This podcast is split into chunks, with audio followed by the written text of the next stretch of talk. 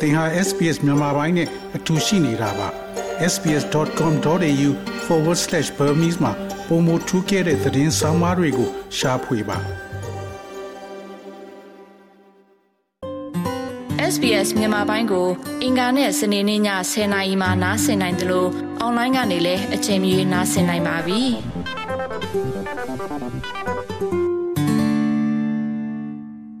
2021စစ်အာဏာသိမ်းဖြစ်စဉ်ဟာမြန်မာနိုင်ငံရဲ့တိုးတက်ရာလမ်းစဉ်မှန်သမျှကိုပြိပခအတွင်းပုံသွင်းခဲ့ပါတယ်။နိုင်ငံအနှံ့ပြားမှာရန်ငွေတွေတနက်တန်တွေနဲ့အတူငင်းချရေးခီးလန့်ဟာလည်းတနည်းတက်တနည်းဝေးကွာခဲ့ရပါတယ်။အဲ့ဒီတဲမှာမြန်မာနိုင်ငံရဲ့ဒုတိယဆန်အိုးကြီးလို့တင်စားခဲ့ကြတဲ့စကိုင်းတိုင်းဟာလည်းတိုက်ပွဲစုံတစ်ခုလိုဖြစ်ခဲ့ရပါပြီ။ ထက်လက်ပြားတွေကြားကနှစ်တူဝလူသားဘဝတွေမှာလည်းနေအိမ်တွေမီးလောင်စစ်ဆောင်သူတွေရှောင်ခဲ့ရသလိုအများစုကလည်းဒီမိုကရေစီအရေးအတွက်တိုက်ပွဲဝင်သူကဝင်ခဲ့ကြပါတယ်။အဲ့ဒီအခါမှာတော့အညာသားတွေရဲ့တော်လှန်ရေးဟာလက်ရှိအာဏာရှင်စက်ကြီးရေးမှာဂုံရှိန်ဝင်ကြွားခဲ့ရပါပြီ။လက်ရှိအချိန်မှာတော့သခိုင်းတိုင်းတော်လန်ရေးအစုအဖွဲ့ရဲ့ညီညွတ်ကြောင်းကိုပုံဖော်နိုင်မယ်။သခိုင်းဖိုရန်ဟာမေလကုံပိုင်းမှာအသက်ဝင်ခဲ့ပါတယ်။ ဒေတာတွင်းမှာရှိတဲ့အဖွဲ့အစည်းတွေအားလုံးပါဝင်ဆွေးနွေးနိုင်မှုနဲ့ကိုယ်ပိုင်အုပ်ချုပ်ခွင့် Federal Democracy စနစ်ကိုဖော်ဆောင်ဖို့ရည်ရွယ်တယ်လို့ Forum ရဲ့ပြောရေးဆိုခွင့်ရှိသူကိုခန့်ဝေဖြိုးကဆိုပါတယ်။ Federal Democracy ပြည်ထောင်စုကိုတကယ်ထူထောင်မယ်။ Federal Democracy ကိုကျွန်တော်သွားရမယ်ဆိုရင်တော့ကျွန်တော်တို့ဒီ Federal ပြည်ထောင်စုသဘောတဘာဝအရကျွန်တော်တို့ဒီ Federal Unit အသီးသီးဟာကိုယ်ပိုင်ပြဋ္ဌာန်းခွင့်တွေကိုယ်ပိုင်အုပ်ချုပ်ခွင့်တွေရှိတဲ့နေပေါ့နော်။ဒီလက်ရှိຫນွေဦးတော်လှန်ရေးကလည်း Federal ပြည်ထောင်စုကိုသွားနေတာဖြစ်တဲ့အတွက်အဲဒီအတွက်ကျွန်တော်တို့ကတော့ဘလို့ပဲဖြစ်ဖြစ်ကြိုတင်ပြီးတော့ပြင်ဆင်ထားမယ်သဘောပေါ့ဗျာ။တိုင်းကိုလွှမ်းခြုံနိုင်တဲ့နိုင်ငံရေးစုဖွဲ့လိုမျိုးပေါ်လာရင်တော့ကျွန်တော်ဒီတချို့ပြဿနာတွေအတိုင်းတွင်းမှာဖြစ်နေတဲ့ပြဿနာတွေကအတိုင်းတွင်းမှာရှိနေတဲ့သူတွေအဖွဲ့အစည်းတွေကပို့ပြီးတော့တည်တယ်ပေါ့ဗျာအဲ့တော့ကျွန်တော်ဒီဖြည့်ရှင်းတာပဲဖြစ်ဖြစ်ကြိုတင်ပြီးတော့ဆောင်ရွက်တာပဲဖြစ်ဖြစ်ပို့ပြီးတော့တော့မြန်နိုင်တာပေါ့ဗျာအဲ့ဒါကြောင့်မို့ပဲကျွန်တော်ဒီ Federal ပြည်ထောင်စုတွေရဲ့အားသာချက်ကကျွန်တော်တို့ဒီဒေတာတွင်းကိစ္စတွေအဲကျွန်တော်တို့ကိုယ့်ရဲ့ပြည်နယ်ရေးရာကိစ္စတွေမှာပို့ပြီးတော့လှင်းလင်းမြန်မြန်တုံ့ပြန်နိုင်တယ်ပို့ပြီးတော့ကျွန်တော်မြန်မြန်ဆန်ဆန်ဖြည့်ရှင်းနိုင်တယ်ပေါ့ဗျာအဲ့ဒါတွေကျွန်တော်ရှိပြီးသားဆိုတော့ဒီဟာပေါ်ပေါက်လာတယ်ဆိုရင်တော့အဲ့လိုပြဿနာတွေကတော့မြန်မြန်ဆန်ဆန်ဖြေရှင်းနိုင်မယ်လို့ကျွန်တော်တို့မြင်ပါတယ်ဗျ စစ်ကောင်စီရဲ့အင်အားသုံးထိုးစစ်ဆင်မှုလေကြောင်းတိုက်ခိုက်မှုအစုလိုက်ပြုံလိုက်တပ်ဖြတ်မှုတွေနဲ့အိမ်တွေပါမချမ်းမီရှို့ဖျက်ဆီးမှုတွေကိုစကိုင်းတိုင်းဒေသကြီးကအခုအချိန်ထိအပြင်းထန်ခံစားနေရဆဲပါနေ့တိုင်းလိုလိုစစ်ရိတ်စစ်ငွေတွေတန်းနေပြီးမြို့နယ်38မြို့ထဲမှာ32မြို့ဟာနေအိမ်တွေမိရှုဖျက်ဆီးခံနေရတယ်လို့နိုင်ငံတကာ NGO အဖွဲ့အစည်းတွေရဲ့ထုတ်ပြန်ချက်တွေမှာဖော်ပြထားပါတယ်။ ဒါပေမဲ့ဒေသခံတွေကတော့အခုလက်ရှိအချိန်ထိမတရားမှုတွေကိုအန်တူပြီးစစ်အာဏာရှင်ကို ပြက်ပြက်သားသားဆန့်ကျင်ဆန္ဒထုတ်ဖော်နေကြဆဲပါဒီအခြေအနေကိုပိုပြီးတက်ရောက်မှုကောင်းစေဖို့နိုင်ငံရေးစစ်ရေးဒေသနီးအုပ်ချုပ်ရေးနဲ့အထွေထွေဆိုတဲ့ကဏ္ဍကြီးလေးရက်ကိုဆွေးနွေးတဲ့စကိုင်းတိုင်းဖိုရမ်ကိုကျင်းပခဲ့ကြပါတယ်။ တိုင်းရင်းသားနယ်မြေတွေနဲ့ထိစပ်မှုတွေရှိနေတဲ့စကိုင်းတိုင်းအနေနဲ့စူးစီးမှုတွေဖော်ဆောင်နိုင်တာဟာကောင်းမွန်တဲ့ရလဒ်တွေဖြစ်တယ်လို့အမျိုးသားညီညွတ်ရေးအတိုင်းအမြကောင်စီ NUCC ရဲ့အမျိုးသမီးအဖွဲ့ကိုယ်စားလှယ်လွေပိုးငယ်ကဆိုပါတယ်။အော်ဖက်ဒရယ်သွားမယ်ဆိုရင်အဓိကကတော့တိုင်းခုနှစ်တိုင်းပြည်နယ်ခုနှစ်ခုကိုခြေခံတဲ့မူနဲ့မသွားဖို့တော့လိုတယ်ပေါ့လေနော်။အဲတိုင်းခုနှစ်တိုင်းကိုဗမာပြည်နယ်လို့သွားလို့လို့တော့မရဘူးလေနော် ဒါပေမဲ့လို့သူ့ဒေတာနဲ့သူခုနပြောသလိုအချင်းချင်းနိုင်ငံရေးဘုံသဘောထားတွေရနိုင်ဖို့အတွက် စုစည်းတဲ့ဟာမျိုး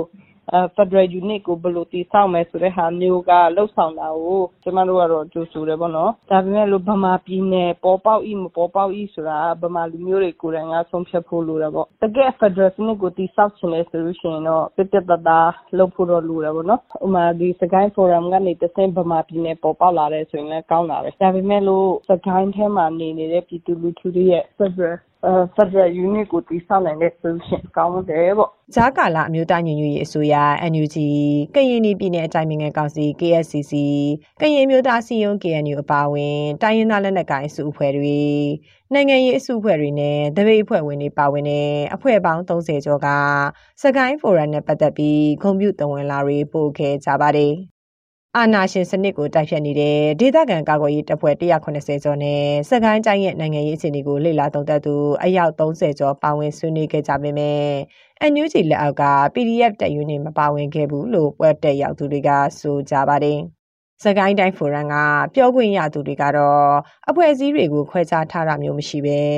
ပါဝင်နိုင်တဲ့ဘယ်အဖွဲ့အစည်းမဆိုလက်ခံဆွေးနွေးခဲ့ကြတာဖြစ်တယ်လို့ဆိုပါတယ်။ ဖိုရမ်ကျင်းပပြီးနောက်ပိုင်းဇွန်လ10ရက်မှာတော့မြောင်မြို့နယ်ပြည်သူ့ကာကွယ်ရေးအဖွဲ့ဝင်ကိုနေဦးကိုဖိုရမ်မှာပါဝင်ခဲ့လို့ဆိုပြီးအဖွဲ့ဝင်ဖြစ်ကနေယာယီရက်စဲလိုက်ကြောင်းအမျိုးသားညီညွတ်ရေးအစိုးရအန်ယူဂျီရဲ့စကိုင်းတိုင်းပြည်သူ့ကာကွယ်ရေးတပ်ဖွဲ့ကထုတ်ပြန်ခဲ့ပါတယ်။ကိုຫນွေဦးဟာစကိုင်းဖိုရမ်ရဲ့ပြောရေးဆိုခွင့်ရှိသူ6ဦးထဲမှာတဦးအပါအဝင်ပါ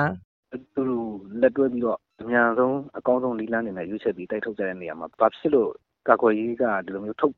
တာထုတ်လိုက်တယ်ဆိုတဲ့ဟာမျိုးကတော့တိတိကျကျတော့မသိရဘူးသိရတဲ့ဟာကတော့ဖိုရမ်ကိုဖိုရမ်မှာပါဝင်တဲ့အတွက်ကြောင့်မလို့ထုတ်လိုက်တယ်ဆိုပြီးတော့ပြောတယ်ပေါ့ဗျာနော်ဒီဟာကအာနာရှင်တော်လန်ရေးမှာပို့ပြီးတော့တောင်အထောက်အကူဖြစ်တဲ့ဟာကိုဘာကြောင့်ဒါထုတ်ပြီးတော့ထုတ်ပြလိုက်တယ်ဆိုတာမျိုးကိုကျွန်တော်ကိုယ်တိုင်တောင်နားမလည်ဘူးဖြစ်နေအဲ့ဆိုရင်ဒီဖိုရမ်လုပ်တဲ့ဟာစစ်ကောင်စီအတွက်အထောက်အကူဖြစ်နေရလားအန်ဂျီအစိုးရအတွက်အထောက်အကူဖြစ်နေရလား စစ်ကောင်စီအတွက်အထောက်အကူဖြစ်နေရဆိုရင်တော့ဒါကျွန်တော်တို့လုံးဝမလုပ်သင့်တဲ့ကိစ္စဒါလုံးဝစန့်ကျင်ရမယ့်ဟာဒါပေမဲ့ကျွန်တော်တို့ဒီ NUG အစိုးရအတွက်အထောက်အကူဖြစ်ပြီးတော့ကျွန်တော်တို့ on နေတဲ့ fast track ဆိုတဲ့အတိုင်းပဲသွားနေတယ်ဆိုလို့ရှိရင်တော့ဒါကန့်ကွက်ဖို့မလိုအပ်တဲ့အရာပို့ပြီးတော့တောင်ဖြစ်မြောက်အောင်ဝိုင်းဝန်းထောက်ကူပေးရမယ့်ကိစ္စပေါ့ဗျာနော်နားလည်အောင်မလုပ်ဘူးလို့ရှိရင်ဒီဒီလိုမျိုးတွေလိုမျိုးတွေလိုက်ပြီးတော့ဟောပါပေါ့ဗျာဟိုကျွန်တော်တို့ပိတ်ပင်နေမယ်တားဆီးနေကြမယ်ဆိုလို့ရှိရင်တော့နားလည်မှုတွေလွဲပြီးတော့လိုချင်တဲ့အရွေးကိုကျွန်တော်တို့လွယ်လွယ်နဲ့ရောက်မှာမဟုတ်ဘူးပေါ့ဗျာ ကိုຫນွေဦးကိုကြောင်ရင်ကယာယီရက်ဆိုင်တဲ့ညွှန်ကြားချက်ထဲမှာစကိုင်းဖိုရမ်ဖြစ်မြောက်ရေးအဖွဲ့မှပါဝင်နေလို့အန်ယူဂျီရဲ့ကာကွယ်ရေးဝန်ကြီးနဲ့စစ်ဒေသမူတို့ထံရှင်းလင်းဖို့ဆိုတဲ့အချက်ပါဝင်ပါတယ်။အဲ့ဒီလိုရှင်းလင်းဖို့ကိုဂျွန်လ10ရက်အထိပြန်မတင်ပြတာအထက်ကိုတင်ပြတာမရှိပဲတခြားအဖွဲ့အစည်းမှာတအူးတဲ့သဘောနဲ့ပါဝင်ဆောင်ရွက်တဲ့အတွက်အစီရင်ခံစာတင်ပြပြီးတဲ့အထိတာဝန်ကယာယီရက်စဲမယ်လို့ရေးထားပါတယ်။ ဆွေးနွေးပွဲတက်ရောက်ရင်အထက်ကိုအစဉ်စဉ်တင်ပြရမယ်ဆိုတဲ့တခြားအဖွဲ့အစည်းတွေရဲ့ညွှန်ကြားချက်ဟာစကိုင်းဖိုရမ်ပြီးတဲ့ဂျွန်လတရက်မှသာထွက်ပေါ်လာတာဖြစ်ပြီးအဲ့ဒီမတိုင်ခင်ကမရှိခဲ့ဘူးလို့ကိုနေဦးကပြောပါတယ်။စကိုင်းဖိုရမ်နဲ့ပတ်သက်ပြီး NUG ရဲ့ဂုံပြူလာထဲမှာရေးသားထားတဲ့အချက်မှာတော့ပြင်ပပယောဂမပါပဲဒေတာအခြေအနေနဲ့ကိုက်ညီတဲ့ရလက်ထွက်အောင်ဆွေးနွေးဖို့ထည့်သွင်းရေးသားထားပါတယ်။ ဖိုရန်ဟာ NUG ကိုစင်ပြိုင်လှုပ်လာတာလို့ဝေဖန်မှုတွေရှိနေပေမဲ့လည်းတစ်ဖက်မှာတော့ကြော်လန့်ရင်းအင်အားစုတွေစုပေါင်းဆွေးနွေးနိုင်မယ်ပလက်ဖောင်းတစ်ခုဖြစ်လာတယ်လို့အမြင်တွေလည်းရှိကြပါတယ်။ဒီအခြေအနေနဲ့ပတ်သက်ပြီးနိုင်ငံရေးလေလာသုံးသပ်သူစိုင်းကြည်စင်ဆိုကဒီတွင်းမှာရှိတဲ့အစုဖွဲ့တွေအဲ့လိုမျိုးပေါင်းဆက်ညှိနှိုင်းတဲ့အကျင့်မျိုးအလုပ်မျိုးကိုဟိုအားမပေးဘူးထောက်မခံဘူးဆိုရင် ရေရှည်မှာပိုပြီးတော့ထုတ်ပါပေါ့နော်ပြဿနာတွေပိုပြီးတော့ရှုပ်ထွေးလာစရာတွေပိုများမယ်လို့ကျွန်တော်မြင်တယ်။အဲ့ဒီကြောင့်မို့ဒီလိုမျိုးပါဝင်တာပူပေါင်းတာမျိုးမလုပ်ဘူးဆိုတဲ့ဟာကတော့အင်မတန်ရုပ်ခဲ့တယ်လို့ကျွန်တော်အနေနဲ့မြင်ပါတယ်ခင်ဗျ။များသောအားဖြင့်ကိုယ့်နေရာကိုကိုယ့်ရဲ့အာဏာအတွက်ပါဝါအတွက်ကြိုးစားနေတဲ့လူကတော့ အဲ့လိုမျိုးစုစည်းမှုတစ်ခုပေါ်လာတယ်ဆိုရင်ကြိုင်ဆိုင်နေလို့ပဲထင်ကြမှာဒါပေမဲ့အဲ့လိုလူတွေရဲ့ဆန္ဒတဘောထားအတွက်ကိုအကျိုးအတွက်ကိုအဲ့လိုလောက်ဆောင်မှုအတွက်အာဒီတာရှိရဲဆိုရင်တော့ဒီလိုမျိုးပေါ်လာတဲ့ဥစ္စာကိုလူတိုင်းရတော့လက်ခံကြိုးကြကြမှာပဲဒါကအရင်ကောင်းတဲ့ကိစ္စလူတွေရဲ့ဆန္ဒတဘောထားကိုကျွန်တော်တို့ထုတ်ဖော်ခွင့်ရတဲ့ကိစ္စပြောခွင့်ရတဲ့ကိစ္စဆွေးနွေးခွင့်တိုင်ပင်ခွင့်ရတဲ့ကိစ္စ အဲ့ရဒီမှာကျွန်တော်တို့အကောင်အထည်ဖော်တဲ့လုပ်ငန်းစဉ်တွေဆက်ပြီးတော့ကျွန်တော်တို့ကြံစီရမယ်အာလမ်းစာပေါ်လာတဲ့ဖြစ်စဉ်တစ်ခုဖြစ်တာပေါ့ဆိုတော့အဲ့ဒါကကျွန်တော်တို့ရှုမြင်တဲ့ပုံရယ်ကိုယ့်ရဲ့ရက်တည်ရဲ့ကိုယ့်ရဲ့စုဖွဲ့မှုအစုဖွဲ့အပြီးပြီးမှာကိုယ့်ရဲ့ရက်တည်ချက်ပေါ်မှာမူတည်ပြီးတော့ဒီဖြစ်စဉ်ကိုအဲ့လိုမျိုးရှုထောင့်တော့ကွဲသွားကြမယ်လို့ကျွန်တော်မြင်နေကြတယ် စကိုင်းတိုင်းအတွင်းမှာဗမာချင်းရှမ်းနာဂကဒူကနန်စတဲ့လူမျိုးစုအပါအဝင် လူမျိုးစုမျိုးနွယ်စုများစွာနေထိုင်နေကြတာပါဖိုရမ်နဲ့ပတ်သက်တဲ့ဂုံပြူလာပေးပို့တဲ့နေရာမှာလဲကရင်မျိုးသားစီယုံ KNU ချင်းမျိုးသားတပ်ဦး CNF CNA မြန်မာနိုင်ငံလုံးဆိုင်ရာကျောင်းသားများဒီမိုကရက်တစ်တပ်ဦး ABSDF စတဲ့တိုင်းရင်းသားလက်နက်ကိုင်စုအဖွဲ့တွေပါဝင်ပါတယ်။ ဒါအပြင်ຫນွေဦးတော်လိုင်းရင်မှာပေါ်ပေါက်လာတဲ့ဗမာပြည်သူလွတ်မြောက်ရေးတပ်မတော် BPLA အညာဒေတာ96ဆိုကြ PDF အပါအဝင်ပြည်သူ့ကာကွယ်ရေးတပ်ဖွဲ့တွေကလည်းပေးပို့ခဲ့ကြပါတယ်။စကိုင်းဖိုရမ်မှာဆွေးနွေးခဲ့တဲ့ကိုပိုင်ပြဋ္ဌာန်းခွင့်ကိုပိုင်အုပ်ချုပ်ခွင့်ဟာလည်း Federal Democracy ပြည်ညင်လမ်းကြောင်းအတိုင်းကိုက်ညီသလို NUG အနေနဲ့အားရကျေနပ်ပါတယ်လို့ NUG သမ္မတရုံးပြောရေးဆိုခွင့်ရှိသူဦးကျော်စောကတော့မီဒီယာတွေကိုဖြေဆိုထားပါတယ်။ ဖိုရမ်ကတစဉ်ဆက်ပြီးအကောင့်ထဲပေါ်တင်တာတွေရှိသလိုအချင်းချင်းပုတ်တိုက်မှုတွေပဋိပက္ခတွေမဖြစ်အောင်ညှိနှိုင်းဆွေးနွေးမှုတွေလှုပ်ဆောင်ဖို့လိုတယ်လို့ပြောလာသူကတော့ကရင်ကောင်းဆောင်တူဖြစ်သူဘရိုမန်မန်ပါကျွန်တော်တို့အားပါချက်ကတော့ဒီဘာပတိပိစုပေါင်းဆောင်ရွက်နေတဲ့ကတော့တကယ်ပေးရမှာဆိုအပ်တာချက်တစ်ခုပါပဲသို့တော်လည်းပဲဒီနေရာမှာကျွန်တော်တို့ရဲ့အပြိုင်ဆိုင်ပုံစံမျိုးမှာပေါ့နော်ဒီပဋိပက္ခမျိုးမဖြစ်အောင်ကိုယ်တိုင်မျိုးမဖြစ်နေအောင်အပြိုင်ဆိုင်ပုံစံမျိုးမှာ အဲကိုယ်တိုင်မျိုးမဖြစ်ဖို့တော့တတိထားရမှာဖြစ်တယ်အထူးသဖြင့်ကတော့ဒီဒီသကိုင်းတိုင်းမှာဟောသကိုင်းပြည်နယ်ပဲပဲခေါ်ဆိုဖို့သကိုင်းဒေသပဲဆိုတော့အခုလိုမျိုးပေါ်လာတဲ့နေရာမှာကနေရှိနေတဲ့ဒီ NUG ရဲ့ဒီနိုင်ငံရေးဥဆောင်မှုအနေနဲ့လည်းပဲကျွန်တော်တို့တရားစာပြဖြစ်ဖို့လည်းလည်းလိုအပ်တယ်လို့လည်းကျွန်တော်တို့ကတော့အဲ့လိုလိုမြင်ပါတယ်ပေါ့နော်ကျွန်တော်တို့ဒီစီရေးပါမကပဲကွယ်နိုင်ငံရေးဥဆောင်မှုတရားအနေနဲ့ဒီ စကိုင်းပြည်နယ်မှာနိုင်ငံရေးဥဆောင်ကော်မတီထွက်လာဖို့လည်းနောက်စကိုင်းဘက်မှာလည်းပဲဆိုရဒီဖွဲ့စည်းပုံအခြေခံဥပဒေပါပေါ်လာဖို့အတွက်ကတော့ကျွန်တော်အနေနဲ့ဆက်တိုက်တွန်းချင်ပါတယ်။စကိုင်းတိုင်းဟာအာနာသိန်းကာလအတွင်းပြည်သူ၈သိန်းကျော်မှာစစ်ပေးရှောင်ဘဝနဲ့နေအိမ်စွန့်ခွာထွက်ပြေးတင်ရှောင်နေကြရတာပါ။ဒီရေအတွက်ဟာမြန်မာနိုင်ငံရဲ့စစ်ပေးရှောင်အများဆုံးဒေသတစ်ခုအဖြစ်ရောက်ရှိခဲ့ပါတယ်။ ပြည်သူတွေအနေနဲ့မှလည်းဘေးကင်းလုံခြုံစွာနေထိုင်ရေးလူသားတဦးလိုပြည်သားစွာအသက်ရှင်နေထိုင်ရေးအတွက်ဟာစကိုင်းဖိုရမ်ကနေလမ်းစဖြစ်လာမလားလို့မျှော်လင့်နေကြဆဲပါ။ဒီသတင်းဆောင်မကိုတန်လွင်ခက်ကပေးပို့ချတာဖြစ်ပါတယ်။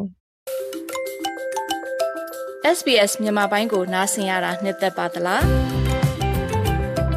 Facebook မှာဆွေးနွေးမှုတွေကိုဆက်ကြရအောင်ပါ။ SBS မြန်မာပိုင်း Facebook ကို Like လုပ်ပြီးတော့သင်ချင်တဲ့ချက်ကိုမျှဝေနိုင်ပါတယ်။ SBS Bemis ကို Facebook မှာ Share ကြည့်နိုင်ပါတယ်ရှင်။